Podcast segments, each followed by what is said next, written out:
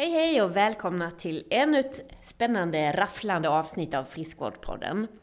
Eh, idag så har vi en superspännande gäst och det som är lite kul, vi har ju haft span på henne redan från början egentligen i den här podden. Mm. Jag har letat fram ett gammalt Instagram-inlägg här från den 28 juni 2018. Det var ju typ fjärde bilden vi la upp, tror jag. Eh, Tänk att vi skulle, just det, så här. Eh, jag tänkte att vi skulle bjuda på några boktips inför sommaren. Frisk utan flum är en populärvetenskaplig bok där fakta kring vad som behövs för en mer hälsosam livsstil blandas med praktiska tips. Här får vi veta allt om varaktiga livsstilsförändringar och den vetenskapliga grunden till råden. Ett mycket välkommet inslag i tsunamin av quick fix-tips som sköljer över oss i media. Boken är dessutom recenserad av några verkliga höjdare inom kost och hälsa. Jakob Gudiol, Carl-Johan Sundberg och Petra Lundström. Uh, och uh, boken heter alltså Frisk utan flum och veckans gäst heter Jessica Norrbom.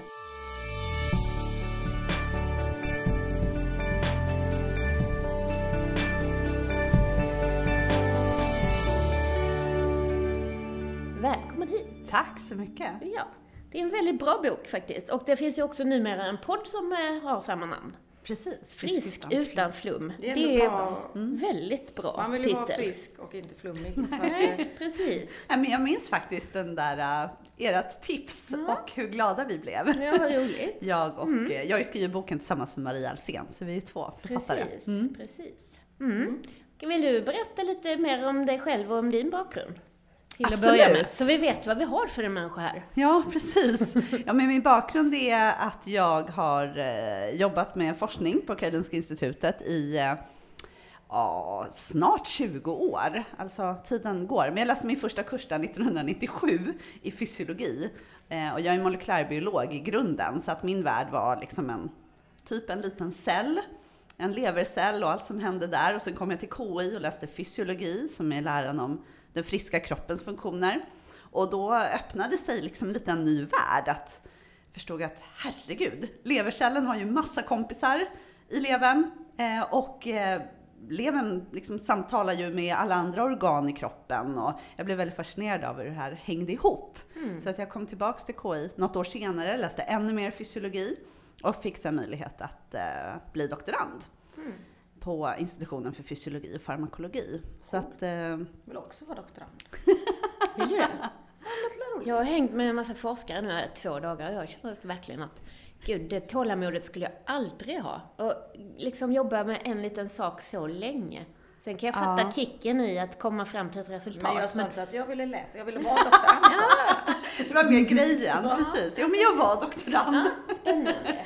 Mm. Så att eh, min forskning har handlat om eh, muskler och gener och träning. Det är det som vår grupp håller på med. Att titta på varför egentligen det blir så bra som det blir i musklerna mm. när man tränar. Mm. Så att vi vet ju... Och står och flexar lite. Ja, precis. Man får spänna sina muskler lite nu. Så det vi gör är att vi plockar ju ut en liten bit från oftast lårmuskeln på våra försökspersoner. Mm. Före och efter olika typer av träning och det kan vara att vi följer dem efter ett träningspass och tar flera biopsier, då muskelprover under ett dygn.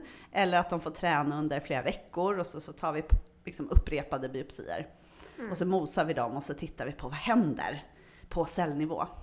Ta en liten bit av din muskel ja, där i låret och så mosar vi jag står här och spanar lite nu på era lår. Vilken ska vi ta? Mm, det är mycket grova på de här idag. Jag kom precis från ett pass. Ja. Det kan man ju rekommendera att man får energi av det. Mm. Absolut. Det märker ni väl? Ja. Jo, Anna är i sitt esse just nu. Här. Och du berättade också precis här om hur du hade varit en hjälte här på loppet som vi, du hjälpte Länsförsäkringar lite på ett stafettlopp. Mm, nu ska vi inte... Fyra kilometer på 16 minuter lite drygt. Helt Det är jättefort. Jag hade ju velat biopsera dig då både före och efter. För vad hade man sett då? Massor med mjölksyra eller? Ja, men man hade väl sett att det, alltså träning, och den har ni säkert pratat om tidigare, är ju liksom en form av stress för kroppen. Och ju, jag var du var jättestressad. Och ju hårdare vi kör, alltså desto mer saker händer och desto större effekt får vi. Mm. Så att det är lite en del av det vi gör i forskningen, att man tittar på, okej okay, vad skiljer ett liksom högintensivt pass från ett ett eh, träningspass på en lugnare intensitet. Vad, vad händer med alla processer mm. i muskelcellerna? Är det andra processer som går igång? Eller ja, blir de aktiverade mera eller mindre och, och sådär. Mm. Försöker liksom lägga det pusslet lite, vad som händer i Men musklerna. mest lokalt i muskeln alltså? Ja, vi tar ju mest muskelprover i en studie som pågår nu, då tar vi också fett från, alltså underhudsfett från magen och så tar vi blod också. Mm. Och på det sättet så kan man ju titta ännu mer, alltså hur pratar olika vävnader med varandra? Vad, vad skickas ut från fettceller? Vad skickas ut från muskelceller? Vad hamnar i blodet? Vad hamnar i fettet och så vidare. Mm. Så att eh, ibland så tar vi annan vävnad också. Men muskeln är ju liksom en bra vävnad för att den är ganska lätt att plocka ut mm. om man får lokalbedövning. Mm. det var ju snällt. Jag tänkte faktiskt ställa ja. frågan. man får bedövning i huden och ner liksom till muskeln. Sen mm. så... du, gör, du gör med en spruta så här eller tar du en kniv? Ja. Osthyvel? Nej, man får bedövning med en spruta. Ja. Sen så skär vi med ett rakblad helt enkelt. Alltså som en liten rakbladskniv. Så skär man ett snitt som är kanske en centimeter eh, i längd. Så skär man liksom ner till muskelhinnan. Um, och sen så stoppar man in då själva pipsinålen. Alltså jag blir um, sugen på, vill du hjälpa mig? du har inte grejerna med ja, dig idag kanske? Nej, inte just idag kanske. Man, man vill ja. ju ändå veta. Man vill ändå liksom. veta, ja precis. Vi, vi, vi får komma till dig på KI och ja, ta precis. ett studiebesök. Mm, så. Mm. Mm. Ja men coolt. Men ja men så det, det är liksom min forskarbakgrund så. Precis. Ja, mm. Men har ni liksom i närheten där också sådana som forskar på hjärneffekt, alltså hur man, effekter i hjärnan och... Kanske inte just på vår institution, men det Nej. finns ju absolut på, mm. på andra jag, ställen. Jag tänkte, för du sa också gener. Mm. Jag hörde att eh, man ärver mammans kondition. Stämmer det?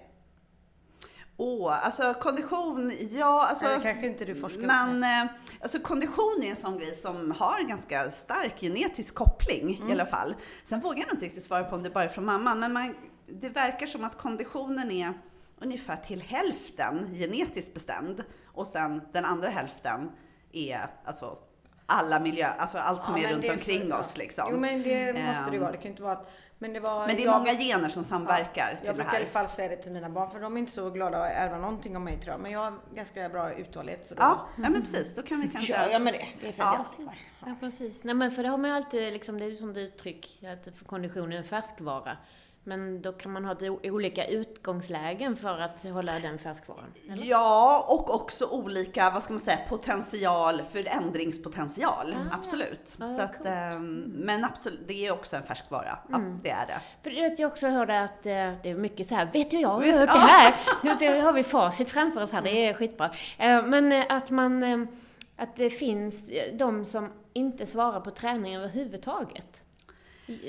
Det måste ju vara oh, genetiskt ja, Alltså jag skulle säga så att det är extremt, extremt, extremt ovanligt, för att nästan inte säga omöjligt. Alltså, mm. Och där får man kanske definiera lite vad man menar svara på. Mm. För att, och det är det som vi ser när vi, när vi forskar på människor också. Det är ju både en utmaning och en så att säga, tjusningen med att använda människor. Och det är ju att vi svarar olika på mm. träning. Eh, så att skulle jag liksom biopsera, nu är inte vi så många här inne, men oss och, och ett gäng till och vi gör samma sak, då skulle man se att vi får både liksom vi tittar i musklerna, olika effekter, men också på alltså, hur vi mår, mm. Eh, vad som händer med vårt blodtryck, vår blodsockerreglering och så vidare. Så tittar man bara på prestation, alltså om man blev starkare eller fick bättre kondition, då kan det finnas de som svarar ganska dåligt eller till och med får liksom ett sämre, en, eh, liksom en, en sämre prestation. Men Eh, då får man tänka att man måste titta lite bredare. Så att jag skulle säga att det är extremt ovanligt att man liksom inte skulle få svar på någon parameter. Mm. Eh, och det är också så om man svarar dåligt, alltså man inte får en så stor konditionsförbättring, så betyder inte det att man får en dålig, dåligt svar på allt. Utan då kan du svara bra på något annat. Mm. Och det kan också vara då för den typen av träning. Så du skulle kunna göra något annat. Testa, ändra intensitet eller hur länge du håller på eller hur ofta. Alltså förändra någonting i det du gör. Mm. Så kan det också ändra svaret. Mm. Mm. Är det sådär att man ska testa sig fram då till det som passar en själv bäst? Eller finns det, kan man få hjälp med det? Att, eh, Analysera. Ställer sig en maskin och ut kommer Jag skulle säga så här, man behöver scanner, inte... Body scanner. man behöver inte lägga pengar på gentester Nej. som säger sig berätta hur man ska träna eller äta. Mm. De fungerar inte. Så i dagsläget så Alltså gentester inom sjukvården är någonting annat och kopplat till olika sjukdomar. Men när det gäller gentester kopplade till hälsa så um, kan de i dagsläget inte berätta någonting om hur du kommer svara på träning. Så att du får, som du var inne på, det är mycket bättre att prova själv. Jag tror vi alla kanske har känt på Eh, Anna, du verkar ju vara snabb till exempel och explosiv och någon annan. Jag är kanske, jag vet att jag är mer liksom uthållig, men det behöver inte betyda att man inte kan bli snabbare. Eh, så att, hon springer maraton också. Ja, och du är, precis, du springer ja, också. Nu lät det som jag var Anna är min. Hon är ett fysiskt fenomen. Nej, nej, nej, nej, nej. Men jag, jag har kommit på att jag har ändrat min, jag sprang väldigt, eller väldigt långt, men jag sprang mer långt förut. Ja. Men nu när jag tränar den här in grejen som jag gör med Linda, som vi pratade om innan, eh, styrka, puls, att man har sådana pass, så har jag blivit snabbare på typ 5-6 kilometer. Mm. För att, och men, det som jag är helt säker på, nu är jag ute på halis, det är ju att det, liksom pannbenet är ju med en också. Det handlar ju lite om att man fasen får utmana sig själv. Mm. Så att bara gå ut och gå och tro att det hjälper, men man fasen, då får man bara lite backar i. Och, och jag tror att det är det som triggar mig att tävlingsmomentet och att, eh, ja men hjärnan är ju med där. Ja, och man triggas ju av olika saker och, och, och den här man säga, gamla klyschan att man blir bra på det man tränar, det, den stämmer ju mm. ändå liksom. Mm. Så att precis, går man promenader kanske man inte kan förvänta sig att bli explosiv. Nej. Så att, men eh, som, så, som svar på frågan att ja, man kan faktiskt testa sig fram. Mm. Och känner man att det händer ju ingenting, okej, okay, jag får göra något annat. Eller jag kanske då kan öka intensiteten lite. Jag kanske kan ta i lite mer och se, hmm, händer det någonting då? Mm. Och då menar jag inte ett pass, då måste man ju hålla på mm. under, kanske testa under några veckor lite jag regelbundet. Jag skulle säga månader, så, så det har jag fått eh ja, det tar en stund. Mm. Absolut. Mm. Mm. Det räcker inte som jag att prova löpning två, tre gånger och men ge du, upp det sen. Du får jag får så ont i höfterna. Ja, när du berättade att du har vajrar och spikar i hela ryggen så ja, blev jag ju inte så förvånad. Nej, Nej. Och då, precis, då kanske man får kanske, anpassa ja. lite. Precis. Jag får så ont i höften, så hon på göteborgska, kan jag säga att hon pratar göteborgska. Jaha, så jag, ja, det kan jag, vet inte. Ja, jag har ju vajrar och spikar. ja, men de sitter ju här uppe. Och så tvingar jag henne att springa. Jag visste inte om det liksom. Så jag bara, jag, jag visste ju att du var stelopererad men sen tänkte inte jag, hur är det innanför stelop? Ja, Nej, och kroppen hänger ju ihop liksom. ja, ja, ja. Ja, men då, då skulle jag vilja eh, att eh, liksom, vi glider in på det här med gentester för mat. Mm.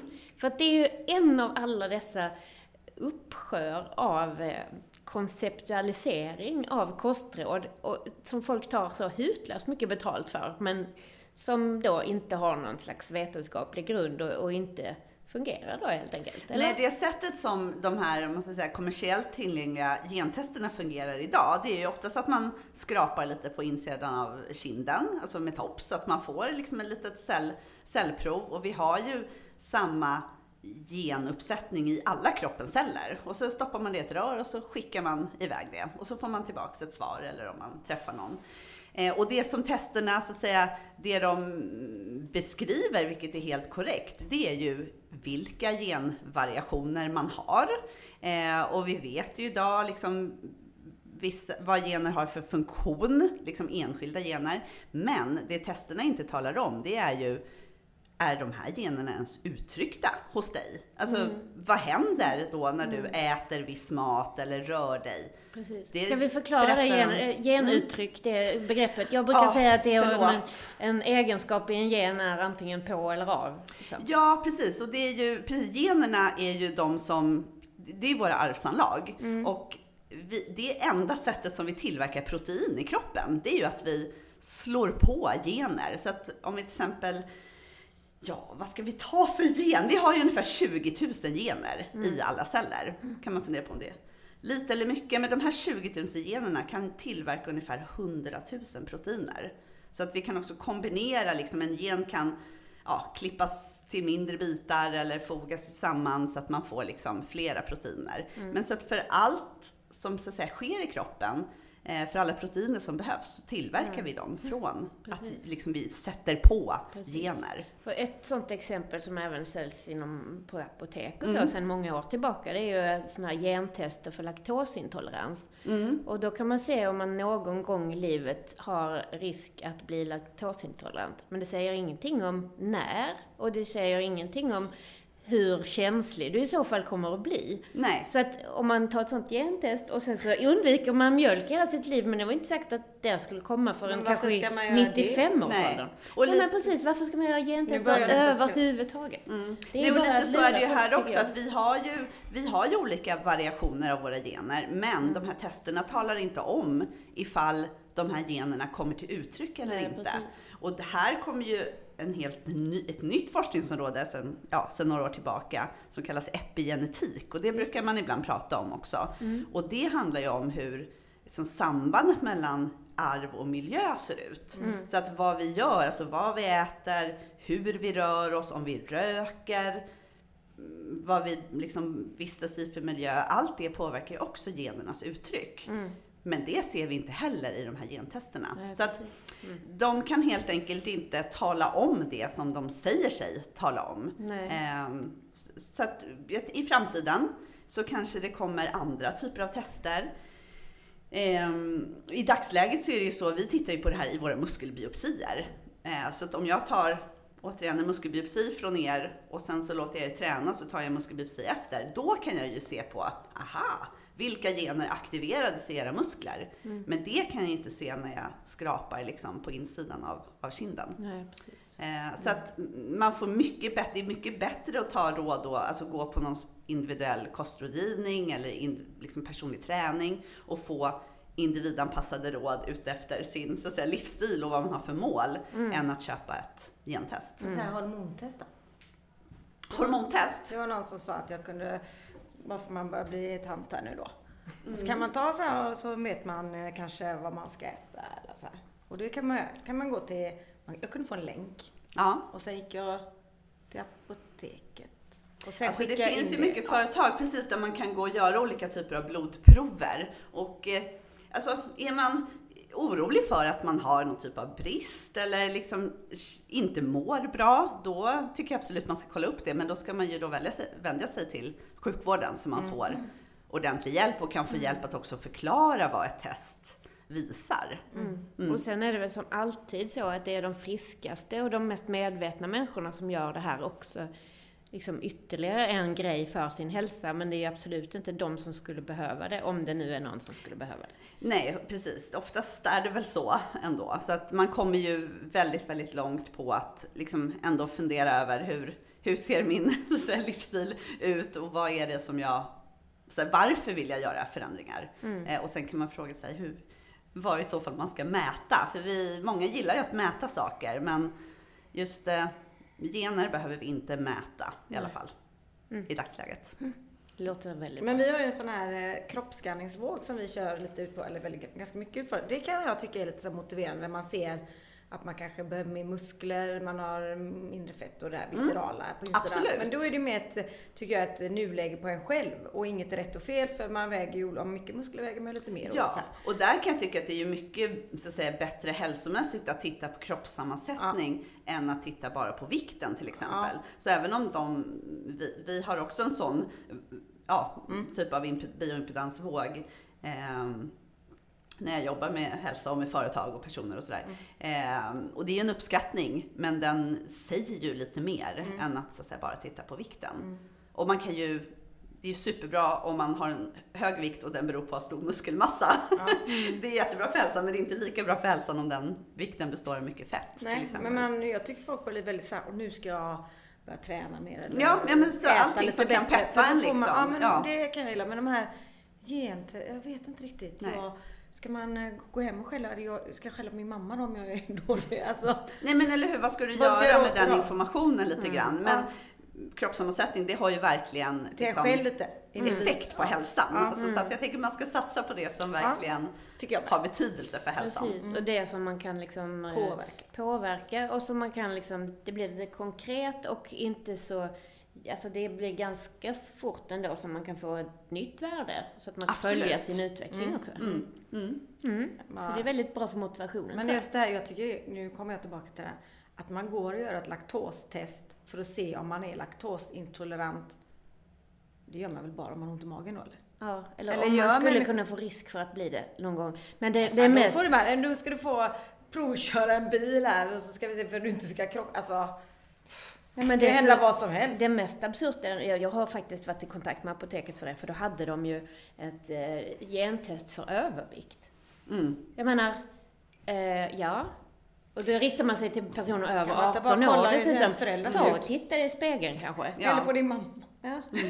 Nej men och det gjorde, när vi skrev våran bok då, Frisk utan flum, så följde vi ju 16 personer. Mm. Och det var ingen forskning, vill jag bara vara tydlig med, utan det var bara Kul. för, det var bara kul, precis. Det var men för att beskriva, men vad händer när man gör en livsstilsförändring och hur tänker man och vad får man för effekter? Och då gjorde vi ju att alla våra deltagare fick göra ett gentest. Just för att vi i princip ville skriva att du behöver inte göra det. Ehm, och då var det ju flera genvarianter då som testades som hade med övervikt och stört ätbeteende och så att göra som, som testades i det här och det var en, en gen kring muskel eh, funktion också. Men vi ville mest belysa att ja, det kan se ut, du kan ha många anlag, eh, men när det gäller de här livsstils liksom, sjukdomar, när det gäller övervikt och metabola syndromet och liknande, så är det så otroligt många gener som samverkar. Så att visst att vi testar några genvarianter, men som sagt, vi vet inte ens om de är aktiva. Och det är ju det som är så coolt med epigenetiken, att lever man då hälsosamt, äter varierat, rör på sig, då kanske de här anlagen aldrig kommer, liksom, de aktiveras aldrig. Nej. För att epigenetiken har gjort att de liksom trycks ner och att vi aktiverar andra positiva gener. Så att, jag vet inte hur man, hur man ska tolka de här resultaten då man får. Nej. Ska man gå och vara orolig då för att man har en eventuell risk för övervikt? Om man faktiskt inte har en övervikt. Men självklart kan det vara så att har man en stor sårbarhet liksom genetiskt, då kan det vara så att om man går upp i vikt, inte på grund av generna utan på grund av liksom beteendet, så kan det vara så att man kanske har svårare att gå ner i vikt, alltså för att man triggar liksom ett annat beteende. Eh, så så kan det ju vara, absolut. Generna spelar ju roll, men vi kan liksom inte riktigt Man har ju beskriva det så olika tydligt än. förutsättningar. Alltså, vissa Precis. människor får ju... Alltså jag har ju ändå två barn. Fast i och för sig med två olika. Den ena föddes ju med sixpack och den Mm. andra kanske får kämpa lite. Men Mm. det Nej, och så är vet det ju, inte så hur det att- slutar ändå. Liksom. Nej, exakt. Nej, och jag hörde faktiskt idag på en forskarföreläsning att de har eh, liksom gett barn eh, under första levnadsåret, alltså från typ 4 till 6 månader och fram tills de fyller ett, så har de fått så här lite mer bittra smaker. De har fått liksom lite typ eh, aubergine och squash och de här lite typ kålrot och havtorn och alltså sådana här lite Ja. tuffare smaker. Ja, Och de eh, får ju mycket liksom ett bredare, eh, vad ska man säga, ett bredare smakspektrum då. Så att de åt mycket mer grönsaker sen när de blev fyra fem år också. För att då har man liksom lärt sig att jag känner tycka om lite olika att smaker. Men precis, hon visade faktiskt en film på en liten tjej som fick jag tror det var havtornsmos och det är ju jättesurt Ja, alltså. ja. Och hon det, så, det var sån grimas i hela ansiktet, men Ja. hon vill ändå ha mer. ja. Och fast hon ser ut som att Åh, liksom. Det var nästan som att hon ser ut som att någon satt och nöp henne. Liksom. Ja.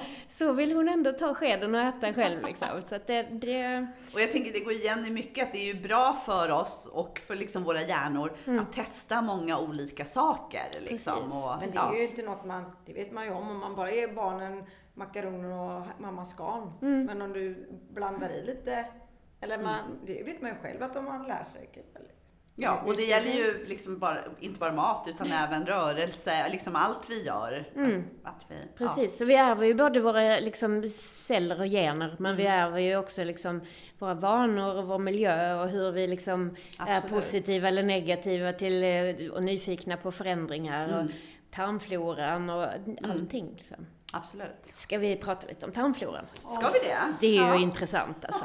Är det då? Jag tycker det är Jag rätt ointressant. Tycker du? Ja, jag tycker den börjar bli tjatig. Skit i den kan man säga på ren göteborgska. Ja, men eh, jag tycker det är så kul också att lyssna på er för ni, ja, ni pratar. Nej men ni är ju mycket mer vetenskapliga än jag, jag är ju bara vanlig.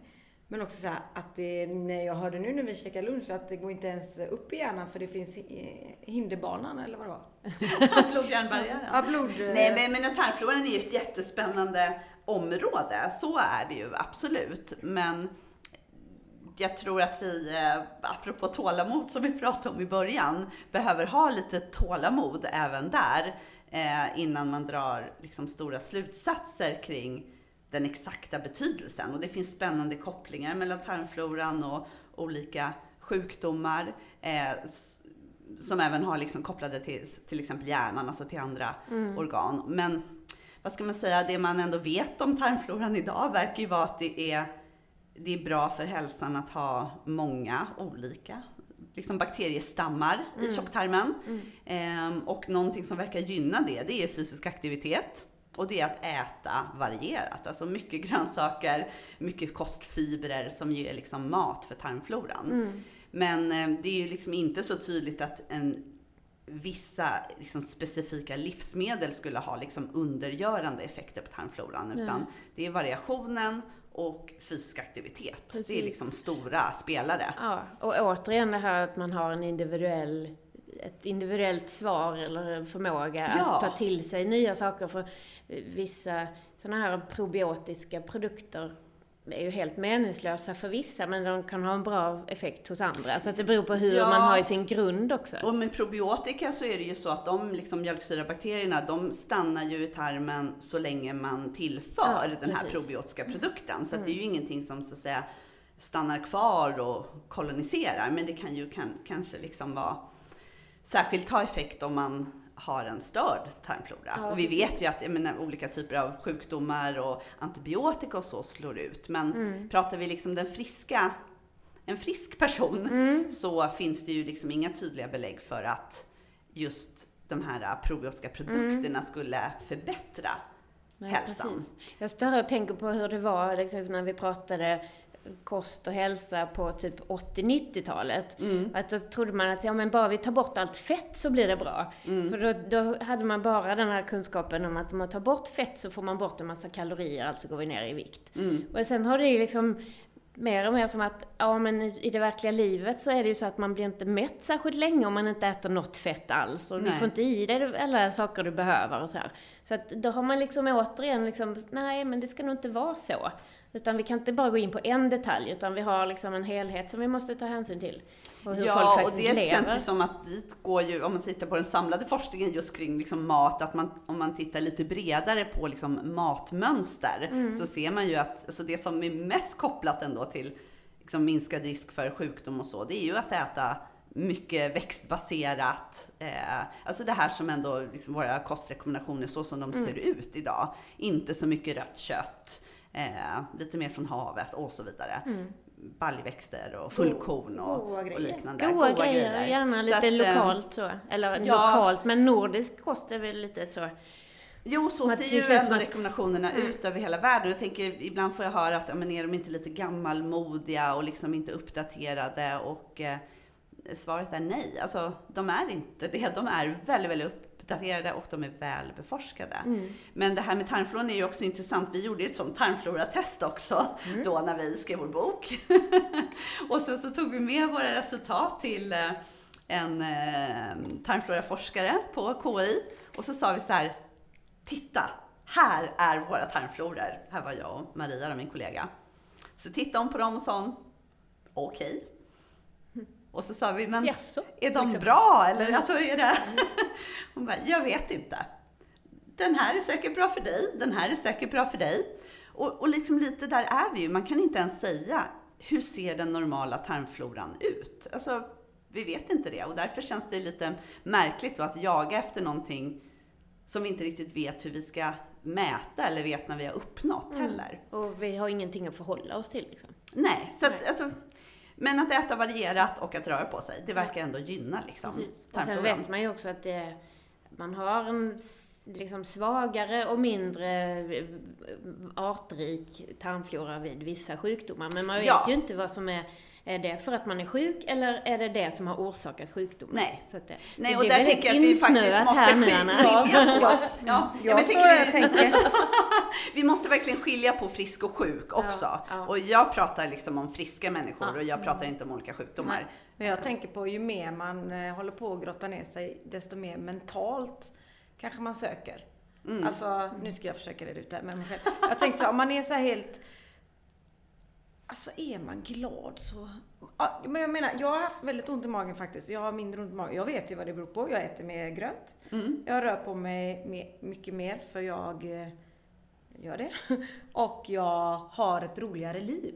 Du kanske För inte att jag, stressar lika nej, men mycket jag som har du ju gjorde. bytt eh, arbetsgrejer. alltså när man jobbar på krogen får man lite ont i magen. Det är ju ganska, Ja, och det är ganska mycket stress Man äter ju säkert. ingenting, man Nej, äter lite precis, och oregelbundet och Ja, ja. Man vägde 46 kilo och var lite blå runt munnen för att fröst, Ja. eller man frös ju liksom. Ja, men, det låter hälsosamt. Nej, men då kanske man ska ändra på andra grejer än just tarmfloran går jag tänka Ja. på. Det kanske är någonting annat här uppe som snurrar.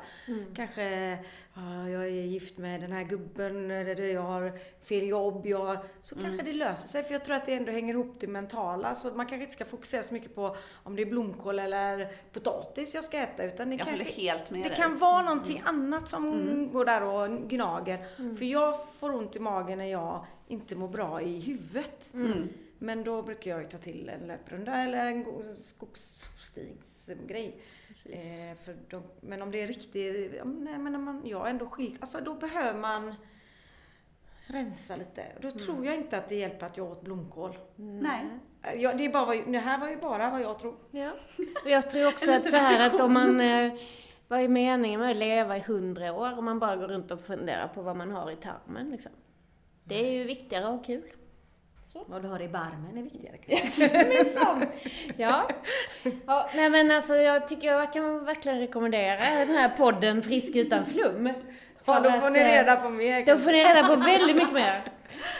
Men det är också nej, roligt men- så här, ni som pratar så här på probiotika. Vad är probiotika? Vad är Ja. det? Så här, vad är det? Ja, det är ju något i mjölk. Probiotika det är ju sådana bakterier som man kan tillföra då. Ja, som ja. är, när man får tillräckligt mycket. Ja, precis. Det finns ju olika märken Proviva. Actimel, sådana här små kapslar finns det också. Så här. Men det är ju när det är tillräckligt många levande bakterier för att de ska ta sig hela vägen ner till tjocktarmen. Mm. Och det är ju inte så många som klarar det kan man säga. För Nej. först ska de in i en jättesur miljö i magsäcken och sen ska de ta sig igenom hela den hinderbanan kan man säga. Mm. Nej, och har man en problematik då kanske det kan vara något som kan hjälpa till och, Mm. och stötta upp liksom. Men det är ju inte mm, jättetydligt där nej, heller. Nej, Nej. precis. Och väldigt individuellt på Mm. hur man liksom tar till sig. Men Precis. det jag skulle komma till var ju att den här Frisk utan flumpodden, där får man veta väldigt mycket. Alltså vi pratar ju mer om hur vi gör i vardagen och vad som vi kan liksom, hur vi kan liksom tänka för att få till en bättre helhet och sådär. Och friskare och gladare liv. Men i Frisk utan flumpodden, där går man ju liksom mer in på detaljerna och verkligen fördjupar sig i förklaringar och så. Ja, vi är ju lite insnöade kanske. Ja men det är ju underbart. Ja. Jag älskar det. Men jag ska nog lyssna här. Ja, nej men det senaste jag hörde på, det, är, det var ju ett avsnitt om huruvida vi är försurade eller inte och eh, vad man behöver äta på ett speciellt sätt för att man då inte ska bli för sur i Mm. kroppen. Och det tycker jag var så underbara förklaringar på det. Vad härligt. Ja. Mm. Och man Dels behöver det här- alltså inte oroa sig så mycket Nej. för att man är försurad. Dels det här att det är, liksom, det är ett väldigt snävt intervall på vad som är liksom surt och vad som är basiskt. Det var bara ett 0,1 Mm, upp- pH-enhet. Ja, Ja. upp eller ner. Eh, och jag brukar ju säga det eh, om, när jag föreläser att om det skulle vara så att du hade ett surt blod, då skulle ju det vara som keso. Mm. Det skulle inte fungera alls. Liksom. För det är ju en sån kemisk reaktion då. Eller du Att skulle det blir ligga liksom, på intensiven liksom, Ja. eller dö möjligtvis Ja, också. precis. Mm. Men då Och kan att det, det är kroppen- det jag är inne på igen då. Byt Mm. kompis då. Ja, Nej men också att man, eh, det är liksom, Sur. kroppen har ju jättemånga system att reglera där. Det är utandningsluft och det är liksom, man kräks om man är för sur i blodet för då kommer magsyran ut och Ja, då, då sänker man, man har- surheten. Man har druckit för mycket vin kanske man blir Ja, sur. eller om man har sprungit alldeles för fort Ja. kanske. Ja, det är ju riktigt läskigt. Men att Ja. utandningsluften och, och liksom urin och så löser de där systemen. Ja. Och, och att just att man, även om man mäter att man är sur i urinen så är man inte sur i blodet. Nej precis. Så det är också väldigt viktigt att, att liksom relatera det till vad har det för betydelse då? Ja, men, och jag menar mitt mål och liksom Maria som jag jobbar med också, när vi liksom jobbar populär, med populärvetenskap, det är ju verkligen att förmedla det som verkligen har effekt på hälsan. Alltså så att vi fokuserar på rätt saker och inte krånglar till det så mycket, vilket vi ibland kanske tenderar att göra. Utan att eh, fokusera på det som verkligen liksom ger hälsa. Och inte på de här enskilda livsmedlen eller exakt om man liksom ska optimera träning eller ja precis. Alltså det är ju verkligen, då är det, vi snackar vi på marginalen, då ska ju verkligen allt annat liksom vara bra redan. Perfekt nästan faktiskt. Nästan Måste perfekt. det vara det då? Oh. Nej, det måste det ju Det inte, men just därför så uppvaknande. kan man, man bara kan istället träffa en kompis liksom. Mm. Eh, Spä på lite eh, Skratta liksom ju- dina sociala bitar istället för att liksom jaga efter gurkmeja eller vad det Mm. nu kan vara liksom. Vad tycker du är den värsta trenden då? Är det gurkmejan? Eh, alltså, den är ju inte skadlig. Nej. Alltså så, man kan ju äta gurkmeja. Men, åh, den värsta trenden. Eh,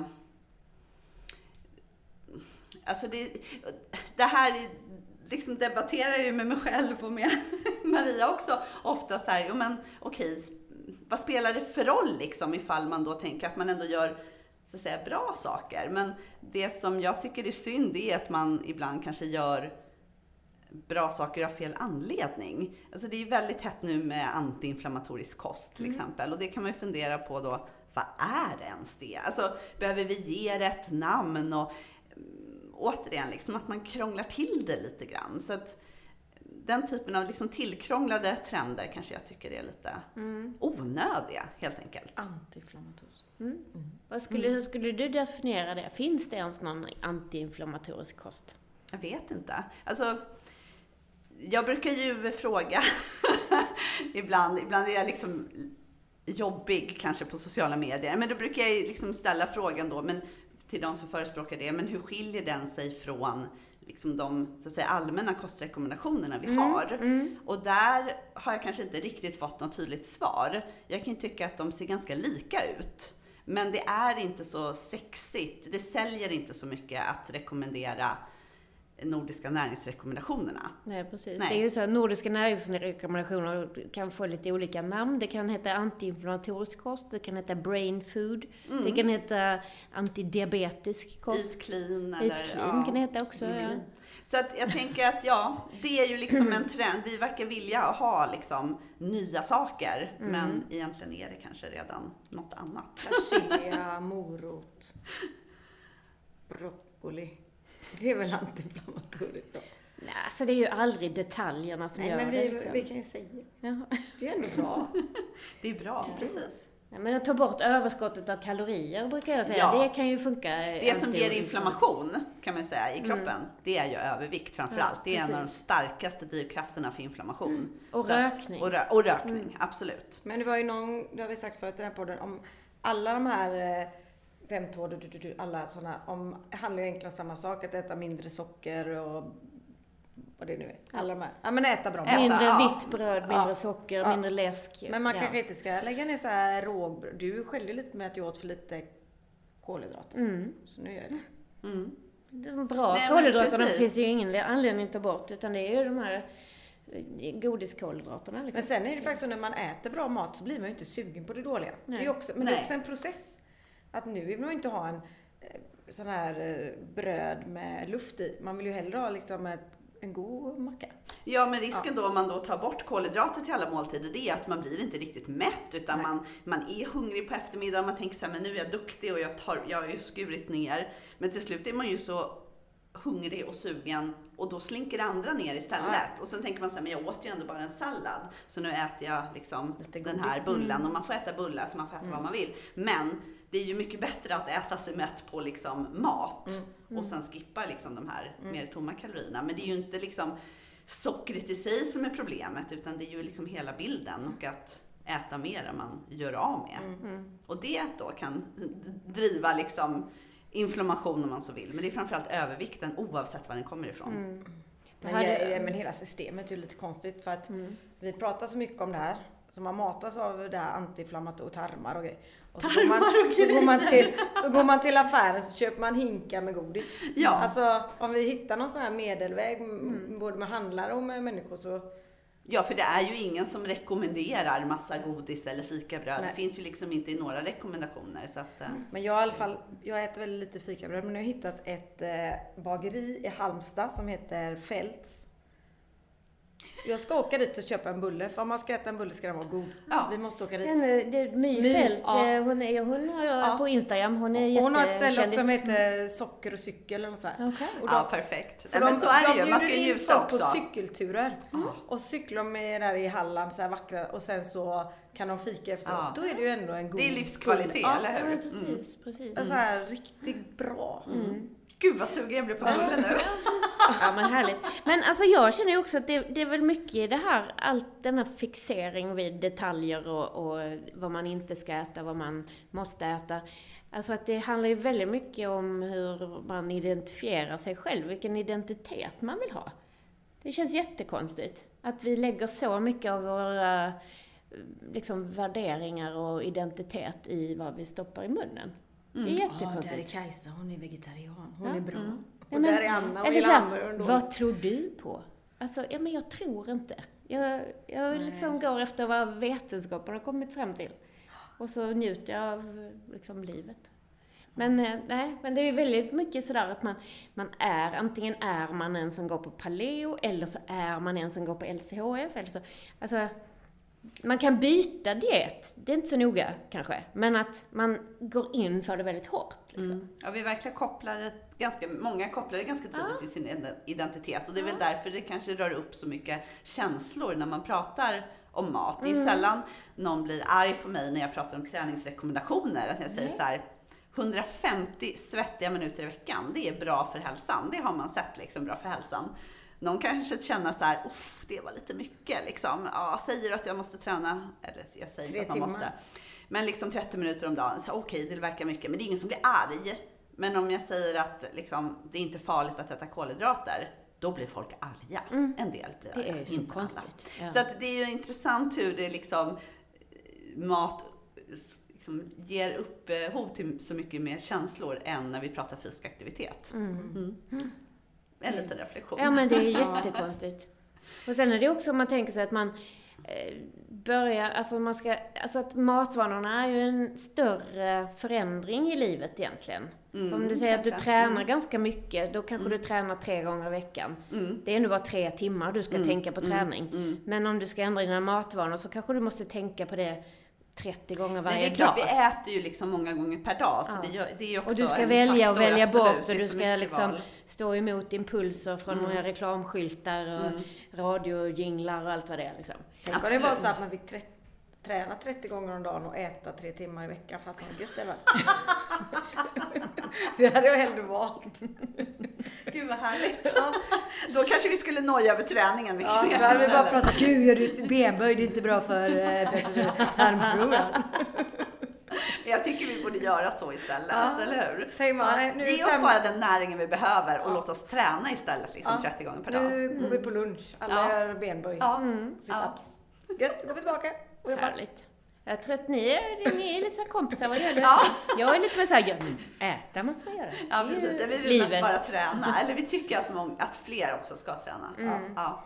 Det tycker jag med. Eller röra på sig. Det är gött. Ja. Men 150 svettiga minuter Ja. och plus 30 minuters vardagsmotion eller varje dag? Eller? Nej, är- alltså de, här, alltså de här 30 minuterna, det är ju de svettiga minuterna. Alltså 30 svettiga minuter per dag eller 150 i veckan. Och sen så vardagsmotionen, eller rörelsen, där är ju rekommendationen minska inaktiviteten, minska tiden i stillasittande. Gör vad du vill, så mycket som möjligt. Bara sitt inte still långa stunder. Så att de här 30 minuterna, det är ju med lite förhöjd puls. Och jag brukar säga svettiga minuter just för att man liksom ska få en liten känsla för det är det det är. Vi måste få upp pulsen lite, vi måste bli lite varma. Det är då det är liksom träning ändå. Och träning är lite jobbigt. Det kräver att man tar i. Eh, och vardagsrörelsen är viktig. Och den är superviktig. Alltså kanske ännu viktigare om vi inte tränar. Så. Men eh, träning är liksom ett större stimuli, en större stress för kroppen. Den kräver mer av oss och ger också större effekt. Men man, man tänker så också, bara för att man säger så här, eh, 30 minuter eh, intensiv, då kan man ju ha olika grejer med det. är en bra grej. Ja, ja, absolut. Så jag, man behöver inte bara säga så här, gud då ska jag göra burpee i 30 minuter. Det kan ju vara tennis, det kan vara löpning, det kan vara styrka. Alltså det är så Ja, många ja, grejer man kan ös göra. på. Och allt räknas ju, det ska vi också komma ihåg. Jag menar 10 minuter är bättre än 0 och 20 är bättre än 10 och så vidare. Så att allt man gör räknas ju. Men det är väl mer kanske ändå det här att man ändå få med sig att om jag, om jag tar en promenad, för de flesta är promenad ändå en lågintensiv aktivitet. Mm. Det ger inte högre puls. Alltså det är jättebra för vardagsrörelsen, men det är inte träning. Nej. Så att om man, bara så att man liksom varierar var man är på skalan, Mm. att man ibland tar i lite mer. Det kommer göra underverk på många sätt. Och även för hjärnan då. Ja, och Och precis då hur man mår. glömmer du av den här tarmen lite för då Ja. har du ju kul. Till exempel om du spelar, nu spelar vi tennis massa tjejer. Vi har ju så himla kul också, svettigt och tävlar och då blir man ju positiv. Ja, Precis. precis. Och vet ni vad? Körsånger kan också vara fysisk aktivitet. Men blir du svettig där i, i Nej, ja, men igår var det lite svettigt. Vi håller på att genrepa nu då för en konsert Men det som är vi ju ska också välmående. Det Alltså är på, Mm. absolut, och det är mindfulness och det är underbart på alla sätt och vis. Men Det- nu var vi inne på men, så här fysisk. Precis, men alltså igår, för jag tänkte jag, jag måste bara kolla här, för jag Ja. hade inte tillräckligt många steg på min stegräknare innan jag gick till körrepet. Så då hade jag typ 7000 tror jag. Och den kom upp i 13 250. Men Stod du för att trampa på stället eller? Nej men det är lite koreografi där Oh. nu när vi genrepar. Ja, Så eh, ja, det var ju lite men det är så. bra för vardagsrörelsen då. Step aside Ja, liksom. ja. Ja, nej men det var ju lite, det, jag trodde inte det skulle bli så många steg på en och en halv timme Nej, faktiskt. det var bra. Mm. Mm. Allt räknas. Ja, väldigt kul. Ja. Ja, Ja, ja, ja. det, Nej, blir ska- lite, det blir lite högt och lågt här idag känner jag. Jag var i Stockholm i måndags, ska jag Just det. visa dig. Du skryter den där 13. Ja, var precis. Nu också- ska vi få höra. Nej men jag hittar inte den stan heller. Så jag får ju... ehm, Jag, jag gick och gick och gick och, men jag var Herregud. Jag var uppe i 27 000 steg. Oj! Och det var mellan möten och gick och tänkte och tittade på fina hus. Ja, det är bra. Jag får väl göra det efter det här då. Ta mig en promenad i Då ska jag Göteborg. säga en grej som jag blir jävligt störd på. Ja, De här Voi. Ja, Ja. Får man säga märken och bli störd? det kanske finns För- flera för det märken. finns många, Voi och Lime och Ja, ja. För det första det. så Mm. dyker de ju upp från ingenstans sådär helt eh, apropå. Mm. Och sen så istället för att gå då i sin kostym och så ser det ju sjukt töntigt ut. Och sen läste jag om det här Mm. Vi med... pratar om elsparkcyklar precis, just nu. Elsparkcyklar. Och sen pratade jag om elbatterigrejen som jag hörde. Ja, Och sen precis. så såg jag hur mycket man investerar där. Mm. Mm. Hallå? Nu Ja, pratar men- vi ju hälsa. Mm. Ja, men då investerar vi flera miljarder i att inte röra sig. Nej men Du precis. skulle hellre säga elcykel Ja. i så fall. Alltså då får du ju faktiskt lite rörelse. Ja men den, Mm. den är jag för. För att min eh, mamma har en elcykel och hon hade ju inte cyklat utan den för hon Nej. går upp på ett berg. Och så cyklar hon ner till affären och så moppar hon typ upp. Ja. Eller så. Mm. Men man får ändå lite rörelse. Och hon, rör sig, hon måste ju röra benen Ja. men just att de stod så här bara. Istället för att gå så himla mycket fortare tror jag inte det går. Ja, men det kan ju gå rätt fort. Jag tycker, jag tycker man blir nästan nedkörd av de här hela tiden. Men alltså det blir, det måste ju ha betydelse för folk hur många steg de tar. Det måste ju ha en väldigt negativ effekt på det. De bara Ja. står Ja, stilla. bara, precis. Jo, man byter ju inte ut det mot rörelse. Man får, men man kanske tänker om folk då inte tar bilen istället, kanske Mm. de rör sig lite mer än skulle de ha gjort. Jag vet inte. Mm. Nej, jag håller med. Jag tycker synd om alla gamla människor som går med rullator eller sitter i rullstol. Plötsligt, ja, och så ligger de ju hur Ja, som helst ja. också. Det är ju inte sådär att man ställer den fint i ett cykelställ utan man släpper ju den bara på gatan eller på trottoaren när man inte vill ha den. Ja, det är sant. Ja. Ja, nu Lite kanske, jag sa någonting som inte alla gillar men jag blev väl fast så här. Herregud, det är ju gött att gå. Mm. Tycker jag då. Ja. Men Ja. Jag tänker, eh, hade du någon mer eh, fundering? Nej. Ja, men jag fundering har jag hela Fundering, tiden. funderar hela tiden. Jag är ju mer ute efter en lösning också. Ja. Jag tänker Ja, att precis. intresset kring kost och hälsa är ju helt liksom, det är ju sjukt stort. Men är det kanske bara i våran lilla bubbla? För Ja, att vi på tänker det. mycket på detta. Och så är man lite mer så här, man, man hör de här sakerna och allas missförstånd och myter och funderingar. Eller är det så stort som det Men om man, om man tittar på arbetsplatser Mm. när folk mår så dåligt så företagen tjänar mindre pengar för att de inte eh, ser till att eh, det ingår i arbetet att man ska röra på sig lite 30 minuter. Inte ens, ja, de behöver bara kanske två pass i veckan på en timme. Det är ju två timmar. Mm, absolut. Och då ser de så här, åh shit vad glad och stark hon blev och gör sitt jobb och orkar gå hit och Jo, jag tror det kan vara liksom en attraktion hos en arbetsgivare att man visar att, att man satsar på sina medarbetares Då bryr man ju hälsa. sig om. Precis, så att, eh, och det kommer ju ändå rapport på rapport som säger att eh, vi, det är ganska få som når upp till de här rekommendationerna. Och inte bara hos barn, de rapporterna kommer ju, men även vi vuxna är ju liksom inte heller så himla bra på det. Så jag tänker det, det är ju ett samhällsproblem, Problem. eller kan bli. Och kondition i sig är ju en extremt tydlig friskfaktor. Alltså bra kondition är förknippat med så otroligt mycket positiva saker. Så att eh, liksom det, det är klart, tycker jag, att det är alarmerande att man ser att svenskarnas kondition har sjunkit med nästan 11 procent på 20 år. Eh, kom det en stor studie förra året som visade. Eh, Just det. Det Så var Elin Backman. Ekblom Back, ja, precis, på, på GH. Henne hennes ska vi studier. fånga upp också i vårt nät. Kanske man kan se lite tester ute på GU. Mm. Ja. Så att de fick ju data från liksom folkhäls... Vad heter det? Sån här friskvårds... eh, Sådana Ja, hälsoprofilbedömningar. företagshälsovård. Ja. Precis, det var ju personer i liksom arbetsför ålder i Sverige. 350 000, drygt 350 000 personer har man testat. Jag tror att det var från henne som det var, det kan vara fel, men det var att de hade frågat massa människor hur mycket man tränar. Mm. Och 60% hade svarat att man tränade fyra dagar i veckan, ja 30-40 minuter. Och när de grottade, grottade, grottade så var det 7%. Ja, precis. Och det här är ju också intressant vad vi så att säga tror att vi gör. Liksom när vi får skatta hur mycket vi rör oss så, skatt, så är det ganska många som upplever att de tränar eller når rekommendationerna. Men när vi mäter så är det mycket, mycket lägre.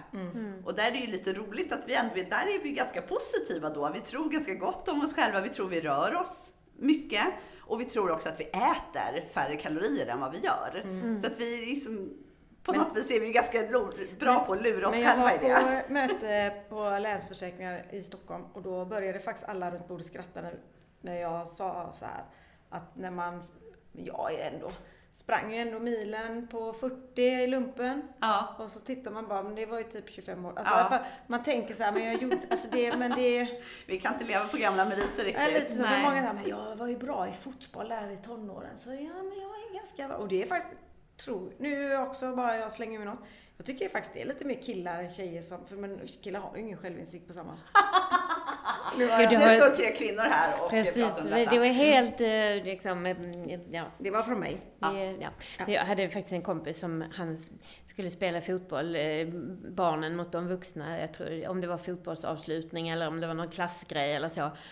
Och han liksom tog i som han brukade när han var 17 ungefär. Och bara känner hur benen bara försvann under honom. Så han bara låg som en våt fläck på gräset. Men det är ganska många som skadar sig de här grejerna. Ja. Hälsenor och knän och allting för man ska visa sin sjuåring hur snabb han är. Precis, så att, eh, bättre att Men underhålla vi hade det, ska man väl faktiskt eh, ja, en avslutning, säger jag då. Så inte, men där var det ju en pappa, han tog i så de barnen var lite ledsna efteråt. Det kanske också är lite konstigt. Mm. Så här.